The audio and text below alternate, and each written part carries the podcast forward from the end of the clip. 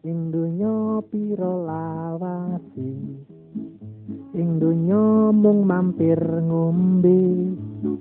Mulane prakanca ilinga uripe pasrah marang alai ing donya pira lawasi ing donya mung mampir ngombe mulane prakanca ilinga uripe pasao marang alai.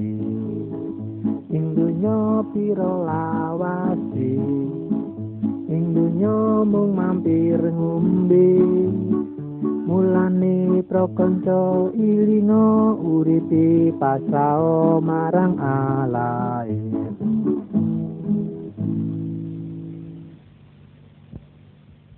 kahanane atine manungsa miturut kodrate. Para sedulur, coba delengen gambar iki. Gambar kang kaseta ing sisih iki mbok menawa bisa ngagetake. Cetha banget yen gambar iki dudu gambar kahanane ati kang ana ing sakjeroning badan utawa raga kita. Nanging gambar iki nggambarake watak kita utawa isining ati kita. Gusti Allah nyiptakake Adam manungsa kang wiwitan. Atine resik lan suci, ora ana cacate. Nanging wekasane Adam gawe dosa. Dheweke nggugu marang bujukan iblis. Adam ninggalake dalan kang bener, kang wis katemtokake dening Allah. Iblis seneng banget margo dheweke entuk papan ana ing sakjeroning atine Adam.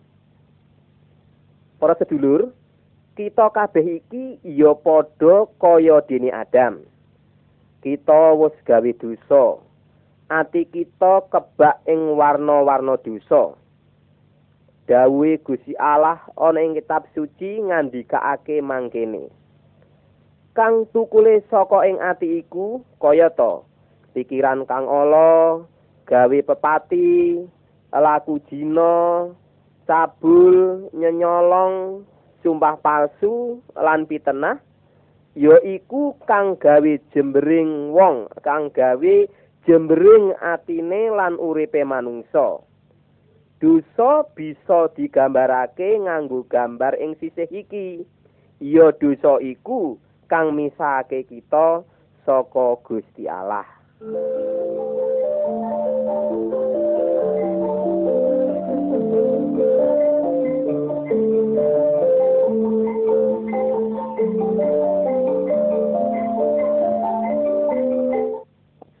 Sifat-sifat apa wae kang kalebu dosa kuwi.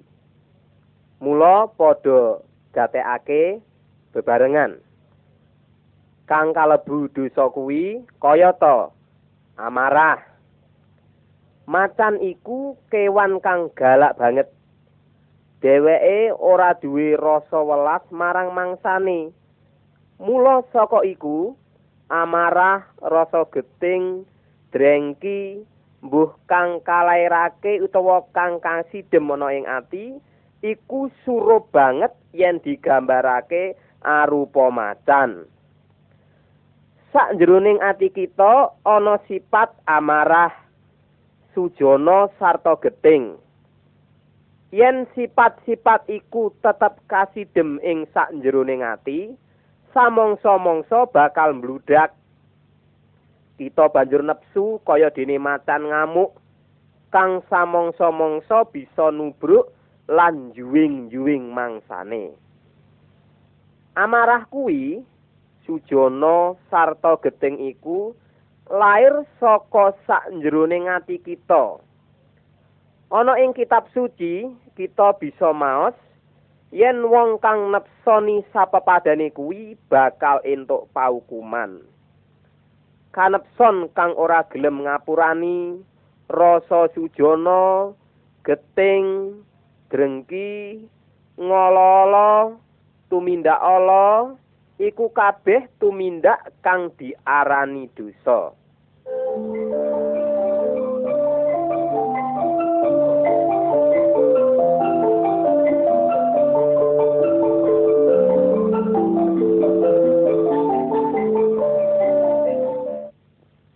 Sifat liyane maneh ya kuwi kumalungkung.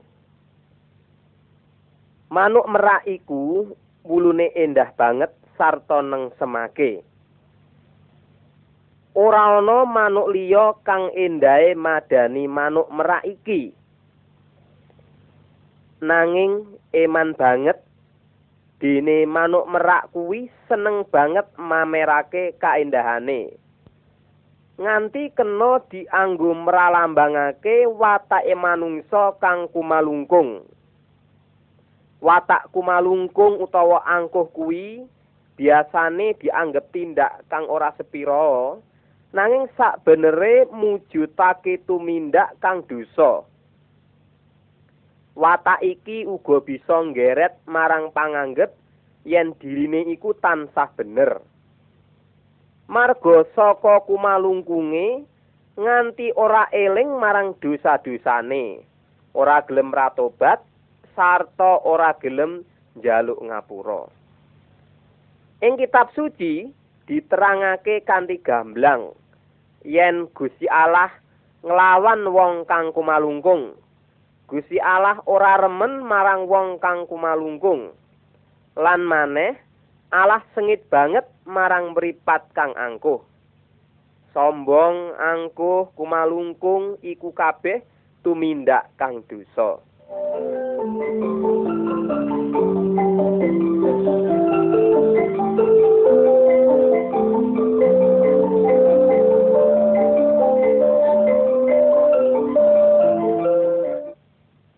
Sabanjure ana sifat maneh kang kalebu dosa ya kuwi sifat bandel. Wedhus bandot iku kondang sawijining kewan kang bandel. Ora ana kang bisa ngalang-alangi kekarepane. Dheweke wedhus bandot kuwi angel banget diajari. Pikirane mung siji yaiku kepriye bisane mangan kanthi wareg Para sedulur, sipate manungsa kang mung nganggo karepe dhewe digambarake kaya dene wedhus bandot mau. Wong kang dosa ora gelem nurut marang dalane Gusti Allah, yaiku siji-sijine dalan kang bener kaya kang didhawuhake dening Gusti Allah. Didhawuhake mangkene, ora ana wong siji-sijiya kang upaya Gusti Allah. Kabeh wong padha nyleweng nuruti karepe dhewe-dhewe. Saibo karepe kita mung tansah kebak dening kekarepan siji, yaiku ngumbar hawa nepsu. Nanging dalan kang dipilih dening manungsa kuwi selawase bakal tumuju marang karusakan. Ana dalan kang dikira bener dening wong mongko wekasane anjok marang pati. Mangkono dawuhe Gusti Allah. Bandel wangkot gugu karepe dhewe lan bangkang iku dosa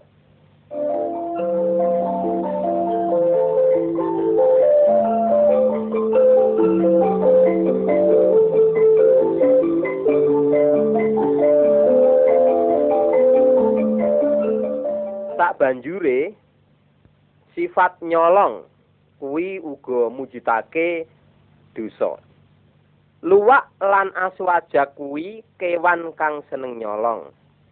Dene kang dicolong bisa wujud pitik utawa manuk dara utawa kewan-kewan liyane kang bisa didadekake mangsane. Luwak lan aswajak iki ora nate ngaton ing wayah awan kejaba yen kepeksa. Dheweke yen tumindak nyolong biasane ing wayah bengi kanggo nutupi kelakuane sarta tumindake kang ala kuwi. Sifat colong jupuk uga ana ing atine manungsa. Manungsa kuwi yen nyolong malah pinter banget.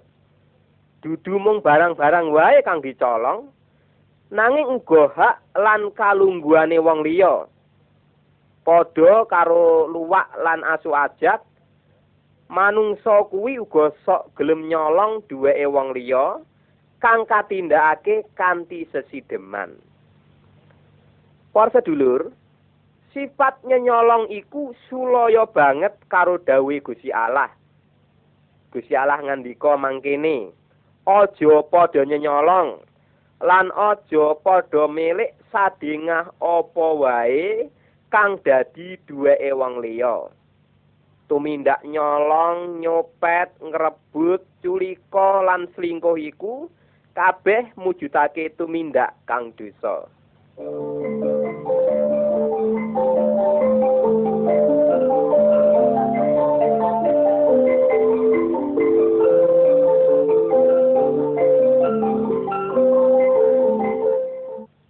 Sifat sak teruse ya kuwi keset.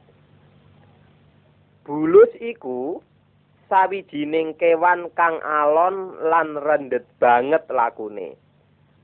Dheweke ora nate gelem nampa pituture wong liya. Yen disurung supaya luwih rikat, dheweke mangkel malah banjur mandek lan endase enggal lumebu menyang jero batoke.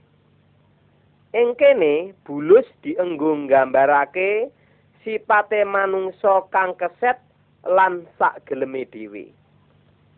Wong kang keset kuwi biasane kerep nunda pagawean kang kudune enggal-enggal dirampungake ing wektu kang wis katemtokake.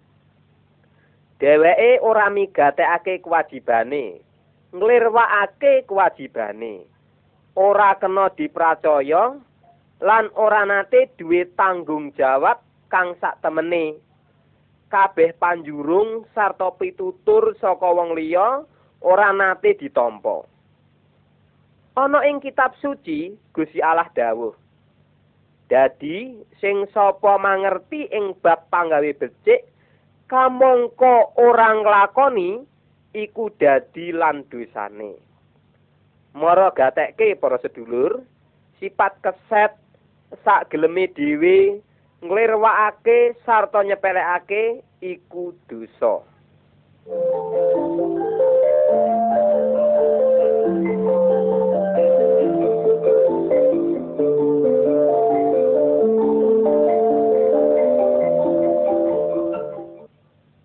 sifat kang sak teruse ya kuwi hawa nepsu. Babi utawa celeng kuwi kelebu kewan kang rakus, najis lan kemproh. Kasenengane ndusiri lemah nganggo congore nganti awake sakujur gupak rereget. Ana ing pralambang iki, babi kuwi kagambarake watake manungsa kang reget, najis lan rakus. Wong dosa karem ngucapake tetembungan kang reget, ndritakake cerita-cerita kang ora susila, serakah marang bondo, pangwasa lan liya-liyane, sarta kerep nindakake prakara-prakara rusuh kang najisake uripe. Gusti Allah dawuh mangkene. Laku jina, laku rusuh, ngujo hawa nepsu, nyembah brahala, sihir, sesatron, pasulayan, meri, brangasan, mung mikir awake dhewe, cidra, roh kang memecah, drengki, mendem, jibar jibur lan sak panunggalane kuwi sapa kang nindakake bab-bab kang kaya mangkono iku ora bakal oleh panduman kratoning Gusti Allah. Iku kabeh dosa kang najisake kita ana ing ngarsane Gusti Allah.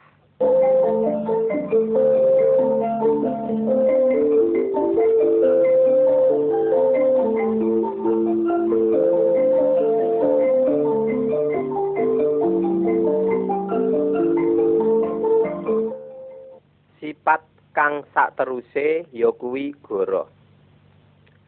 Ula iku kewan kang ora duwe sikil, ora duwe tangan, swiwi lan kepet. Yen dideleng sak kelebatan, katone ora mbebayani, kaya-kaya malah kena kanggo dolanan. Rupane kulite apik, alus tur gilap. Nanging ula iki yen lagi lusur golek memangsan, katon banget julike. Kekuatane kang ora ana tandinge dumunung ana ing awake kang katone ora duwe daya. Lan marang wisane kang mandi banget kang dumunung ana ing cangkeme kang bisa njalari tiwas. Mula saka kuwi cocok banget yen ula iku kanggo nggambarake sipate manungsa kang kanthi tetembungan manis ngapusi lan nyidrani sapepadane. Katone kaya kanca kang raket lan setya, mongko batine kebak akal kang lembut kanggo ngapusi. Ana ing kitab suci didhawuhake, sok wonga kang demen lan nglakoni para cidra iku ana ing sak njabaning kutha. Para sedulur, ngapusi para cidra mitenah munafik seksi palsu iku kabeh mujudake tumindak kang dosa.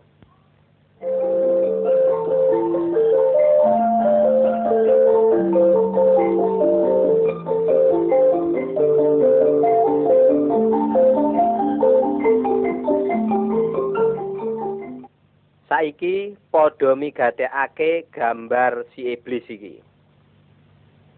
Isih akeh maneh sifat-sipate manungsa dosa kang bisa digambarake nganggo kewan. Nanging kabeh mau bisa diperalambangake nganggo iblis kang mengku sakabehing sifat-sifat kang ala mau. Iblis iku musuhe manungsa kang gedhe dhewe. Kanthi pangrekadaya kang ala, dheweke tansah mbudidaya ngloropake manungsa supaya tetep dadi kawulane dosa.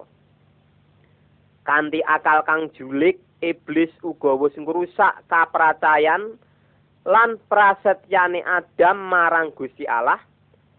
Wiwit wektu iku nganti seprene lan terus tekan ing jaman kang wekasan, dheweke mbudidaya kanthi toh pati supaya bisa ngwasani uripe saben wong. ing kitab suci diterangake yen iblis iku tukang mateni, tukang ngapusi, sarta satru kang nasarake kabeh isining jagat. Sopo kang tetep tumindak dosa iku asale saka iblis. Saibo sengsarane kahanane wong kang kabelenggu sarta dikuasani dening iblis.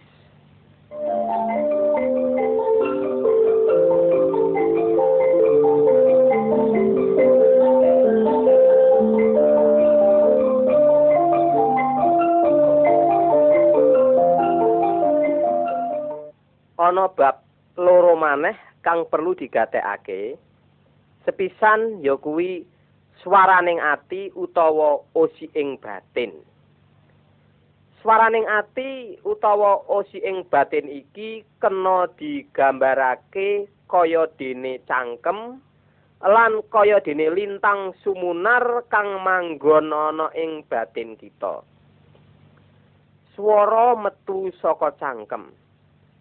Cangkem iku pralambangi swara.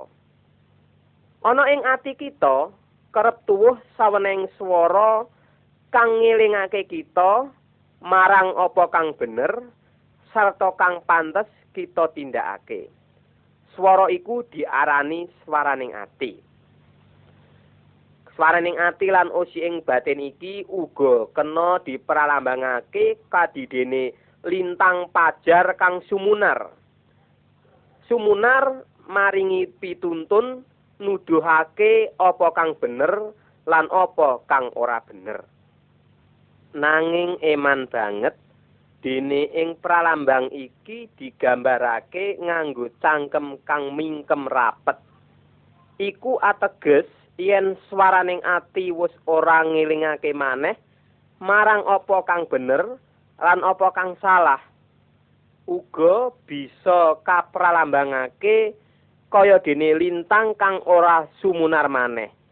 Surem cahyane. Iku ateges yen swarane ati lan osi ing batin wis ora ngelingake maneh marang apa kang bener lan apa kang salah. Yen kita kerep nampik pitutur kang tuwuh saka swaraning ati kita sarta ngejarake dosa tetep manggon ana ing ati lan urip kita swaraning ati kita mau bakal sirep. Wasana kita wis ora eling maneh marang dosa-dosa kita. Iki mujudake kahanan kang bebayani banget. Marga wong kang atine didadekake panggonan dening dosa iku ngira yen dheweke ora duwe dosa mongko bebenduning Allah bakal katibakake marang dheweke ana ing wekasaning jaman. Kang kapindho ya kuwi mripating ati. Mripat kang merem utawa picak ora bisa ndeleng apa-apa. Mung wong kang eling lan melek mripate kang bisa ndeleng kahanan ing sakubengi nanging senadyan mripate melek yen ana ing panggonan kang peteng iya ora bisa ndeleng apa-apa. Mangkono uga kahanane mripate ati kita. Yen ati kita kebak ing pepeteng marga dosa. Kita merlokake cahya kang padang kanggo madangi ati kita kang kebak ing pepeteng mau supaya kita meruhi kahanan kang sak benere dudu mung pepetenging dosa wae kang micakake mripat lan pandelenging ati kita nanging iblis uga mbudidaya sak kuwate kanggo nutupi utawa micakake mripate ati kita supaya cahya kang saka Allah ora bisa mlebu lan madangi kita.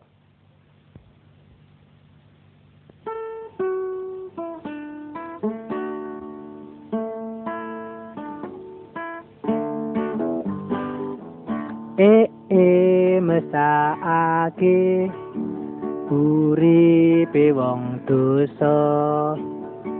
Dina lan wengi. Diancam ing pati. Tan ana bunga. Senajan suge bondo. Atine kiris laran jinjur teko entek bandane mung kang gunambake e e e mesakake. Diuripe wong dosa. Oh haleluya bejo awakku dhewe najan ora duwe ning tentrem atine. E e e mesakake uripe wong dosa. Rino lan wengi diancam ing pati. Tan ana bunga najan suki bondo atine kiris laran injur teko entek pandane mung kang gunambake e e e mesake uripe wong dosa Oh haleluya. Berjoa awakku dewe Senajan ora duwe Yen tentrem atine.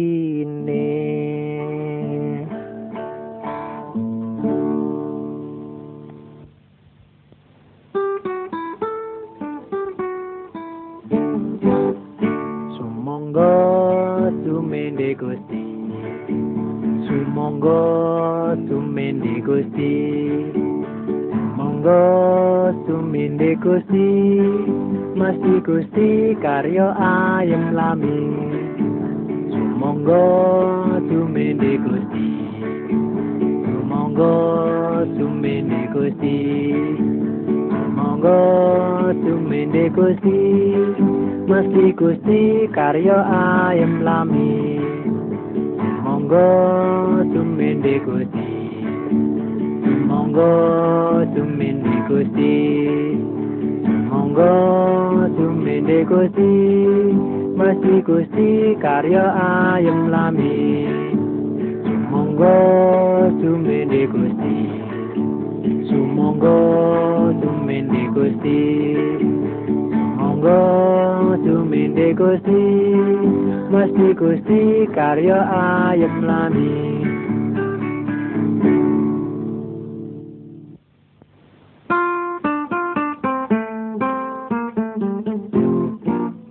Boten nate kelo sami nyonderek Gusti. Boten nate kelo kula pasrah sedaya. Agung katresnanyo tansah sukarna boten nate kelo selami laminyo boten nate kelo sami nyonderek Gusti boten nate kelo kula pasrah sedaya agung katresnanyo tansah sukarna boten nate kelo selami laminyo boten nate kelo sami nyonderek Gusti boten nate kelo kula pasrah sedaya.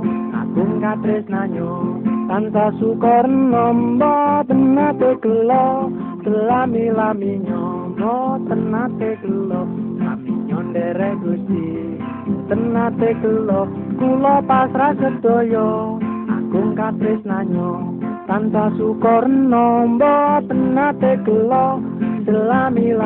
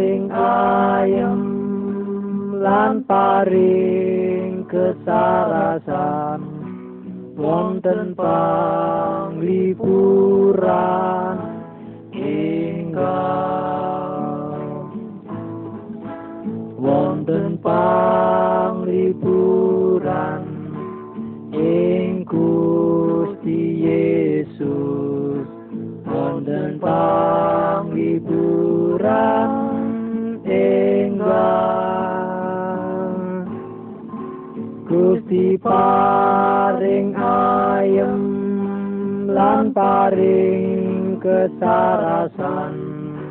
Wonten panglipuran enggal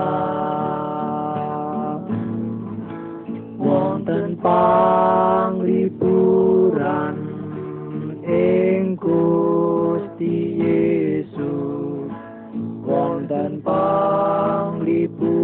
panglipuran enggal.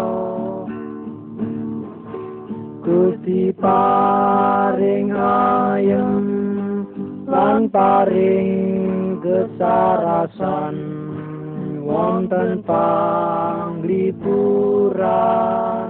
enggal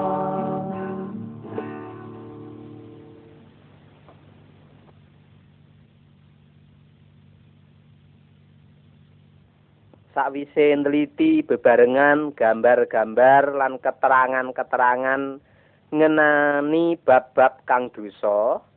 Ayo saiki padha ndeleng gambar kang sakteruse iki. Lan bakal neliti apa kang mujudake sih rahmate Allah marang manungsa. Gusti Allah iku maha welas asih panjenengane tetep ngasi marang titahe ya iku manungsa. Nanging pangeh lamun yen panjenengane bisa dadi siji karo manungsa dosa marga panjenengane maha suci. Ana ing pangandikane Allah didhawuhake mangkene Durakamu kang dadi singgetan ing antarane Allah mulan kowe. Manungsa kabondo dening dosa sarta kuasane iblis. Dheweke ora bakal bisa nslametake awake dhewe saka kahanan kang wis rusak iku sarta mbalekake sesambungane maneh karo Allah kang wis pedhot marga saka dosane. Nanging merga saka welas asihe Gusti Allah nyawisake dalan kang nyelametake kita. Marang kita Gusti Allah maringi sih rahmat kang gedhe banget ajine. Telu cacahe. Kanthi anane Syekh Rahmat iku, ati kita bisa entuk cahya kang padhang saka Allah saengga pepeteng iku musna. Syekh Rahmat kang telu iku siji Yesus Kristus juru slamet kita loro roh suci kang mitulungi kita lan kitab suci dawuh pangandikane Allah marang kita. Manungsa kang atine kebak ing dosa iku diarani mati amarga saka sakabehing dosane. Nanging Allah ora ngendelake kita kesasar ana ing pepetenging dosa. Panjenengane nyorotake pepadanging kaslametan marang wong kang ana ing sakjroning pepeteng lan kang dikubengi dening wayanganing pati. Pepadang iki ya iku Yesus Kristus kang uga disebut pepadanging jagat. Pepadang iku sumorot ana ing jero ati kita saka kuat kuasane Roh Suci. Sakabehing prakara kang salah kapratelakake dening pepadang iku. Roh Suci madangi mripating ati kita nganti swaraning ati lan osi ing batin miwiti ngelingake marang kahanan ati kita kang kebak dosa. Ing wektu iku kita kaadepake marang pilihan kang nentokake tumrap sakabehing urip kita. Ya iku nampik pepadang lan kabeh sih rahmate Allah lan tetep urip ana ing jero pepetenging dosa. utawa nampa kabeh sih rahmate Allah kanthi buka ati kita supaya kasucikake dening panjenengane sarta tetep urip ana ing jero pepadange Yesus Kristus juru slamet kang wis rila seda lan kang kawungokake maneh Yukanan bab telu ayat 16 meratelakake mangkene. Awit dene Gusti Allah enggone ngasi marang jagat iku nganti masrahake kang putra ontang anting supaya saben wong kang percaya marang panjenengane aja nganti nemu karusaan nanging duwe nono urip langgeng. Kepriye murih bisane kita slamet saka pepetenge dosa lan saka kuasane iblis kang bondo kita. Kita kudu kaslametake dening wong kang ora kabondo dening dosa lan kang bisa ngremukake bebandane dosa sarta kuasane iblis iku. Banjur sapa wong iku? Wong kabeh wis gawe dosa lan kabondo dening dosa Allah kanthi kebak welas asih maringake juru slamet marang kita. Juru slamet iku ya kuwi Yesus Kristus putrane Allah siji-sijine manungsa kang ora duwe dosa. Panjenengane ngurbanake nyawane kang suci iku sedo sinalip kanggo nanggel paukuman dosa ngentosi kita kabeh Yesus Kristus sedo ana ing kayu salib kanggo kita kanthi ngurbanake nyawane kang suci iku Yesus Kristus ngremukake bebandane dosa kita Yesus Kristus ngluwarake bebandane dosa kita. Rai Yesus putrane Allah iku nyucekake utawa ngresiki kita saka sakabeng dosa. Yesus Kristus wis sedo ana ing kayu salib. Senadyan panjenengane wis sedo, nanging isih kajojoh lambunge nganggo tumbak nganti metu gedhiye. Panjenengane banjur kasarekake lan pasareane dijogo kanthi ngati-ati banget dening prajurit musuh. Nanging ing telung dinane saka kuasaning Allah panjenengane wungu maneh saka antarane wong mati. Panjenengane ngetingal marang kurang luwih limang atusan wong kae kang wis tepang karo panjenengane. Panjenengane kerep nemoni marang para siswane. panjenengane tindak ngendikan sarta dahar bebarengan karo para siswane. Ing patang puluh dinane sawuse wungu, Gusti Yesus ngasta para siswane menyang gunung. Ana ing kono panjenengane janji yen arep nedhakake roh suci kanggo ngayomi sarta nulungi siswa-siswane. Rikala panjenengane pinuju berkahi siswa-siswane, dumadaan panjenengane kasengkaake menyang swarga ana ing sangarepe siswa-siswane. Saiki panjenengane lenggah ana ing sisih tengene Allah. Sakabehing panguwasa kang ana ing bumi lan swarga ana ing astane. Kuwasa iku kang luarake kita saka kuasane iblis. Roh suci. Roh suci kaparingake marang siswa-siswane Gusti Yesus kaya kang kajanjekake sadurunge panjenengane sinengkakake menyang ing swarga. Nganti saiki Roh suci tetep nyambut gawe ana ing donya iki. Roh suci yaiku roh Allah kang kaparingake marang kita dening Allah kanggo ngresikake kita sarta ngesokake siye Allah ana ing jero ati kita. Roh suci kaparingake kanggo dadi juru panulung kita kang tansah barengi lan nunggil karo kita lan kanggo mbikak akal lan pikiran kita supaya ngerti marang prakara prakarane Allah. Roh suci dipralambangake nganggo manuk dara. Marga ana ing kitab suci, manuk dara iku minangka pralambang kasucen sarta kaprasetyan.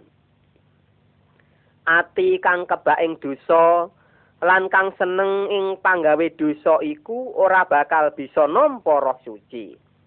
Nanging ing wektu kita mbuka ati kita kanggo nampeni Gusti Yesus Kristus, kang nglametake kita saka dosa kita roh suci tumuli tedak lan lumebet ngresiki utawa nyucekake ati kita roh suci bakal tetep nunggil karo kita sarta nguwatake kita kanggo miturut marang kersaning Allah ana ing urip kita sadina-dinane kitab suci Gambar buku kang buka iki jenenge kitab suci. Isine yaiku dawe Allah marang kita. Ana kit ing kitab suci, Allah nerangake sakabeng kayekten bab Gusti Yesus Kristus sarta keselamatan kang asale saka panjenengane. Nanging kitab suci iki ora mung nerangake prakara-prakara kayekten lan keselamatan wae, nanging uga nerangake dalaning kauripan kang bener. Ana ing sakjroning kitab suci, kita bisa entuk pangananing rohani sarta patokaning urip kanggo ing sadina-dinane. Kanthi pitulungane roh suci, kita bisa mangerteni sarta bisa urip kaya kang dikersakake dening Allah kang diterangake lan dijlentrehake ana ing kitab suci iki marang kita. Saiba becike yen kita nyimpen dawuhe Allah ana ing sakjroning ati kita supaya aja gawe dosa marang panjenengane.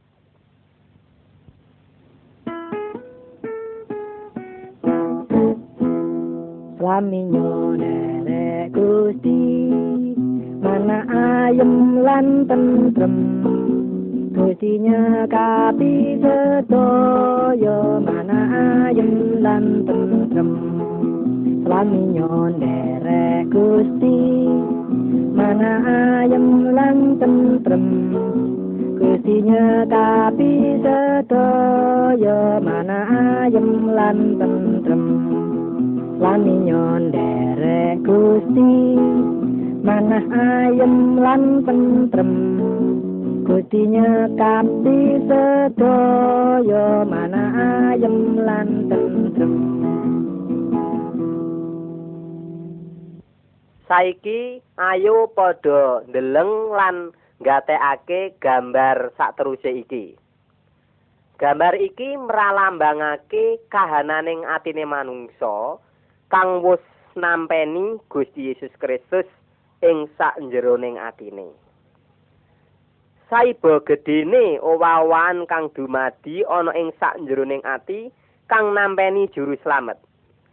Nalika Gusti Yesus lumebet, kabeh dosa kang najisake kapeksa oncat metu. Amarga dosa lan pepeteng ora kuat manggon dadi siji karo pepadang iku. carane nampani sih rahmate Allah iku gampang lan prasaja banget.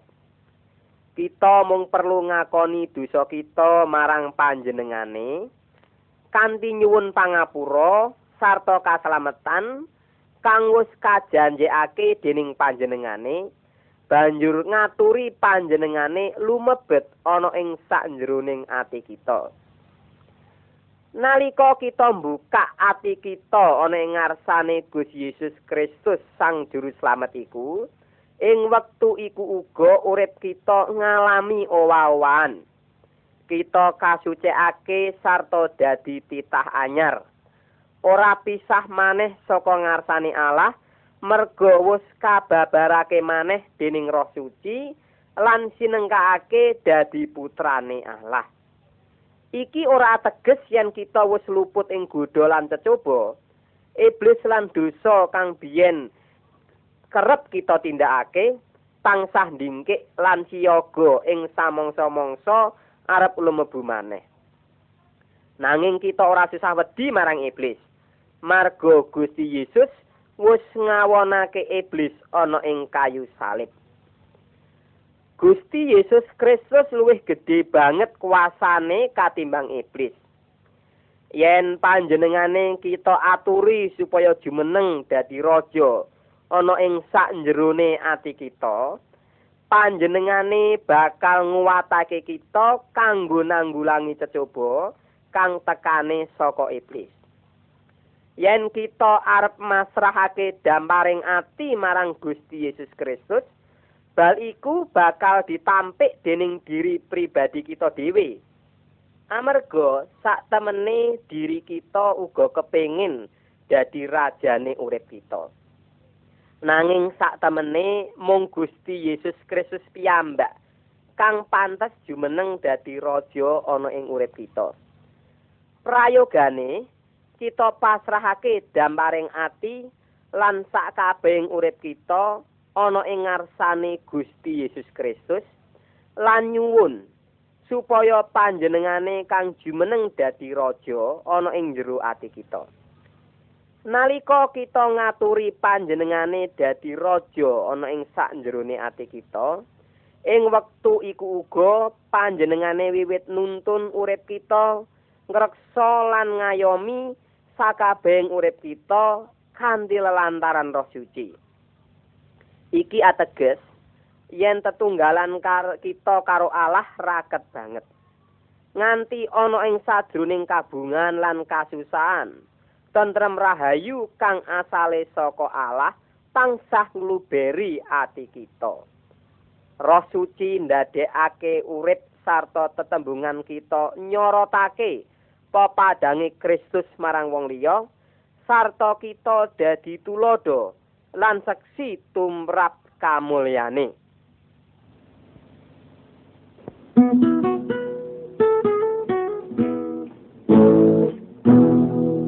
Kula remen derek Gusti. Kula remen derek Gusti.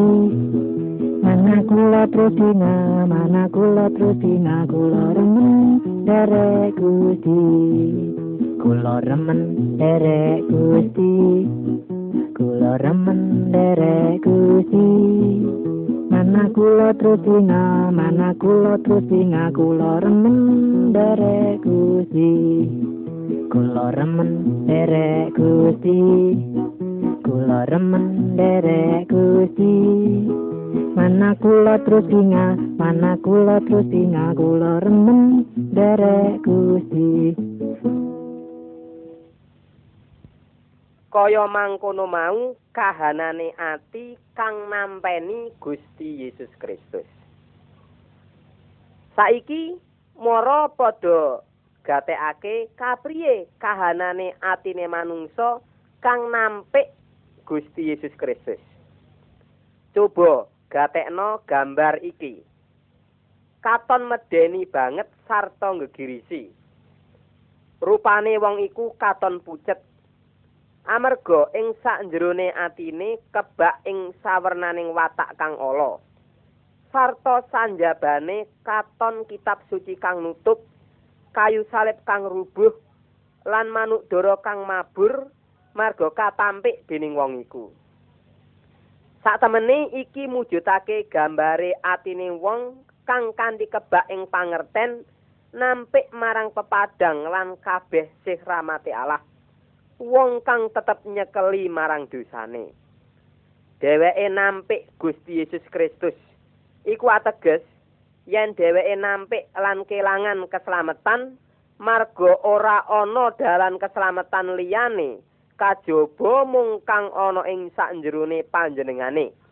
Juru slamet kang kaparingake dening Allah. Rikala dumadine penampian iku ing wektu iku uga iblis kanthi seneng banget lan kanthi sesideman ngunggahi damparing atine wong iku kanthi kabiyantu dening saking hawa nepsu kang ala iblis nguwasani uripe kabeh iki ateges yen wong iku tetep urip ana ing pepetenging dosa kang wekasane bakal entuk paukuman pati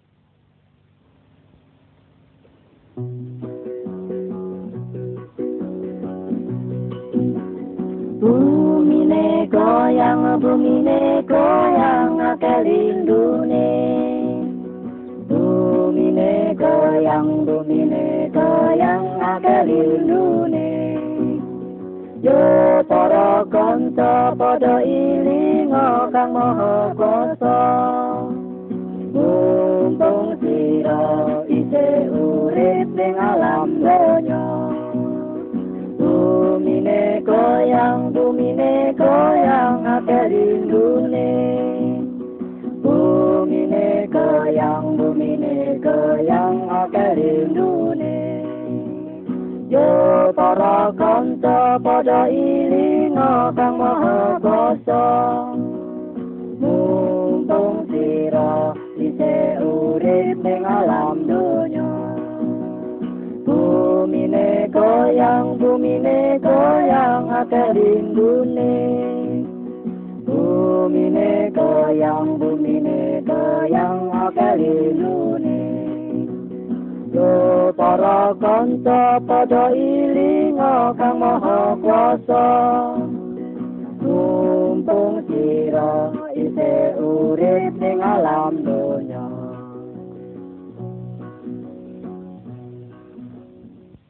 Ngoro saiki gatekke gambar iki. Iki mujudake kahanane wong kang nampi Kristus kang ngadepi pepati. Patine wong kang nampeni Kristus kuwi njur kepriye? Mati uripe wong kang wis nampeni Gusti Yesus Kristus dadi juru slamete sarta rajane wis ana ing astane. yen pati kang namatake uripe teka dheweke ora bakal wedi apa-apa marga tumrap dheweke kuwi urip iku Sang Kristus dene mati kuwi mujudake kabegjan sak temene pati iku mung misahake dheweke saka jagat kang kebak ing kasangsaran iki. Lan maneh ya pati iku kang manunggalake dheweke karo Allah ing salawas-lawase.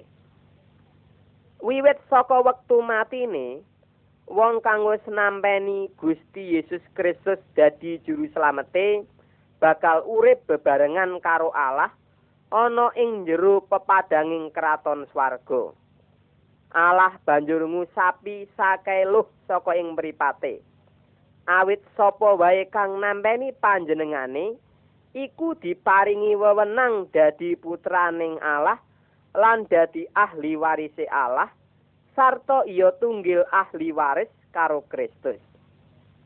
Pancen tumrap wong Kristen kang sejati mati iku mujudake kabegjan.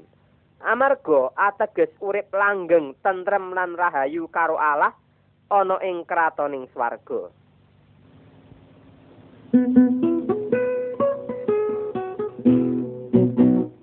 Kula niki tiyang kang lelono Lampa kula nuju dateng sarga mulya. Gusti Yesus kang ngirit ing lampa kula ing donya ngriki ngantos dumugi sarga. Kula niki tiyang kang lelono Lampa kula nuju dateng sarga mulya Gusti Yesus kang ngirit ing lampa kula ing donya. Ngriki ngantos dumugi swarga. Kula niki tiyang kang lelono. Tanpa kula nuju dateng sarga mulya Gusti Yesus kang ngirit ing lampa kula ing donya. Ngriki ngantos dumugi sarga Sak teruse mara coba delengen gambar iki iki mujudake gambar kang meralambangake patine wong kang nampik Kristus pati iku diwedeni banget dening kabeh wong. Wong kang nampik Gusti Yesus Kristus dadi juru slamete sarta raja ana ing sak jerone atine, iku pancen pantes yen wedi mati. Sopo kang diwenehi wewenang wasani urip kita ana ing donya iki, ya dheweke kang wenang wasani pati kita. Saupama iblis kang diwenehi wewenang ana ing damaring ati kita, ya iblis iku kang dadi kanca kita ana ing akhirat. Wong kang nampik Gusti Yesus Kristus minangka dadi juru slamete, kuwi padha wae karo nampik marang siji-sijining dalan keselamatan kanggo entuk urip langgeng sarta karahayaning swarga lan benduning Allah bakal tetep ana ing dheweke. Para sedulur, elinga yen Allah bener-bener welas asih marang sampeyan. Gusti Allah wis nyediakake dalan keselamatan kanggo sampeyan. Gusti Yesus wis sedo sarta wungu maneh kanggo ngalahake iblis sarta ngremukake bebandane dosa sampeyan. Mula saka kuwi tampanono Yesus Kristus kang mujudake siji-sijine juru slamet kang bisa ngentasake sampeyan saka pepetenging dosa lan pati. Para sedulur, sakwise padha mirsani gambar-gambar kuwi mau kabeh lan wis padha mirengake keterangan-keterangan kang nerangake kahanane gambar-gambar kuwi mau, sampeyan arep milih kang endi? Kita iki wong dosa. Iya dosa iku kang misahake kita saka Allah. pituwase dosa iku pati. Nanging Allah kang Maha Asih maringake Kang Putra Yesus Kristus kanggo nyelametake kita saka pati. Gusti Yesus Kristus ngurbanake salirane ana ing kayu salib kanggo ngluwari kita saka bandane dosa sarta kuasane iblis. Panjenengane notok-notok lawanging ati kita arep lumebet kanggo ngresiki sarta nyucikake kita karo roh sucine. Kita dhewe kang kudu milih. Gelem ngengake lawanging ati kita marang panjenengane apa ora. yen milih Gusti Yesus Kristus dadi juru slamet sarta dadi rajane urip kita ateges bakal ngrasakake karahayoning urip marga bakal entuk pangapuraning dosa lan urip tentrem bebarengan karo Allah nanging yen nampik Gusti Yesus Kristus iku ateges ngumbar si iblis sarta dosa kang tetep ngwasani ati kita kita ora bakal entuk katentremane urip marga pati tansah dadi wayangane urip kita. Layan sampeyan kepingin kaslametake saka dosa lan kepingin oleh katentremaning urip, bukaen ati sampeyan kanggo nampeni Gusti Yesus Kristus juru slamet kang ngandika mangkene. He para wong kang kesayan lan kamomotan, padha mreneo aku bakal gawe ayemmu.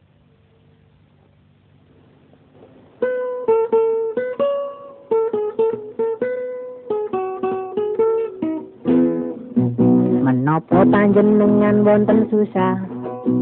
Menapa panjenengan sakit? Sumangga sowan dumateng Gusti. Gusti Yesus kersa mitulungi. Pasrahken, pasrahken sedaya. Sampun to panjenengan sumelang. Pitados mawon dateng Gusti Yesus Allah ingkang Maha Kuwasa. Pitados mawon dateng Gusti Yesus Allah ingkang Maha Kuwasa menapa panjenengan wonten susah? Menapa panjenengan sakit? Monggo sowan dumateng Gusti. Gusti Yesus kersa mitulungi.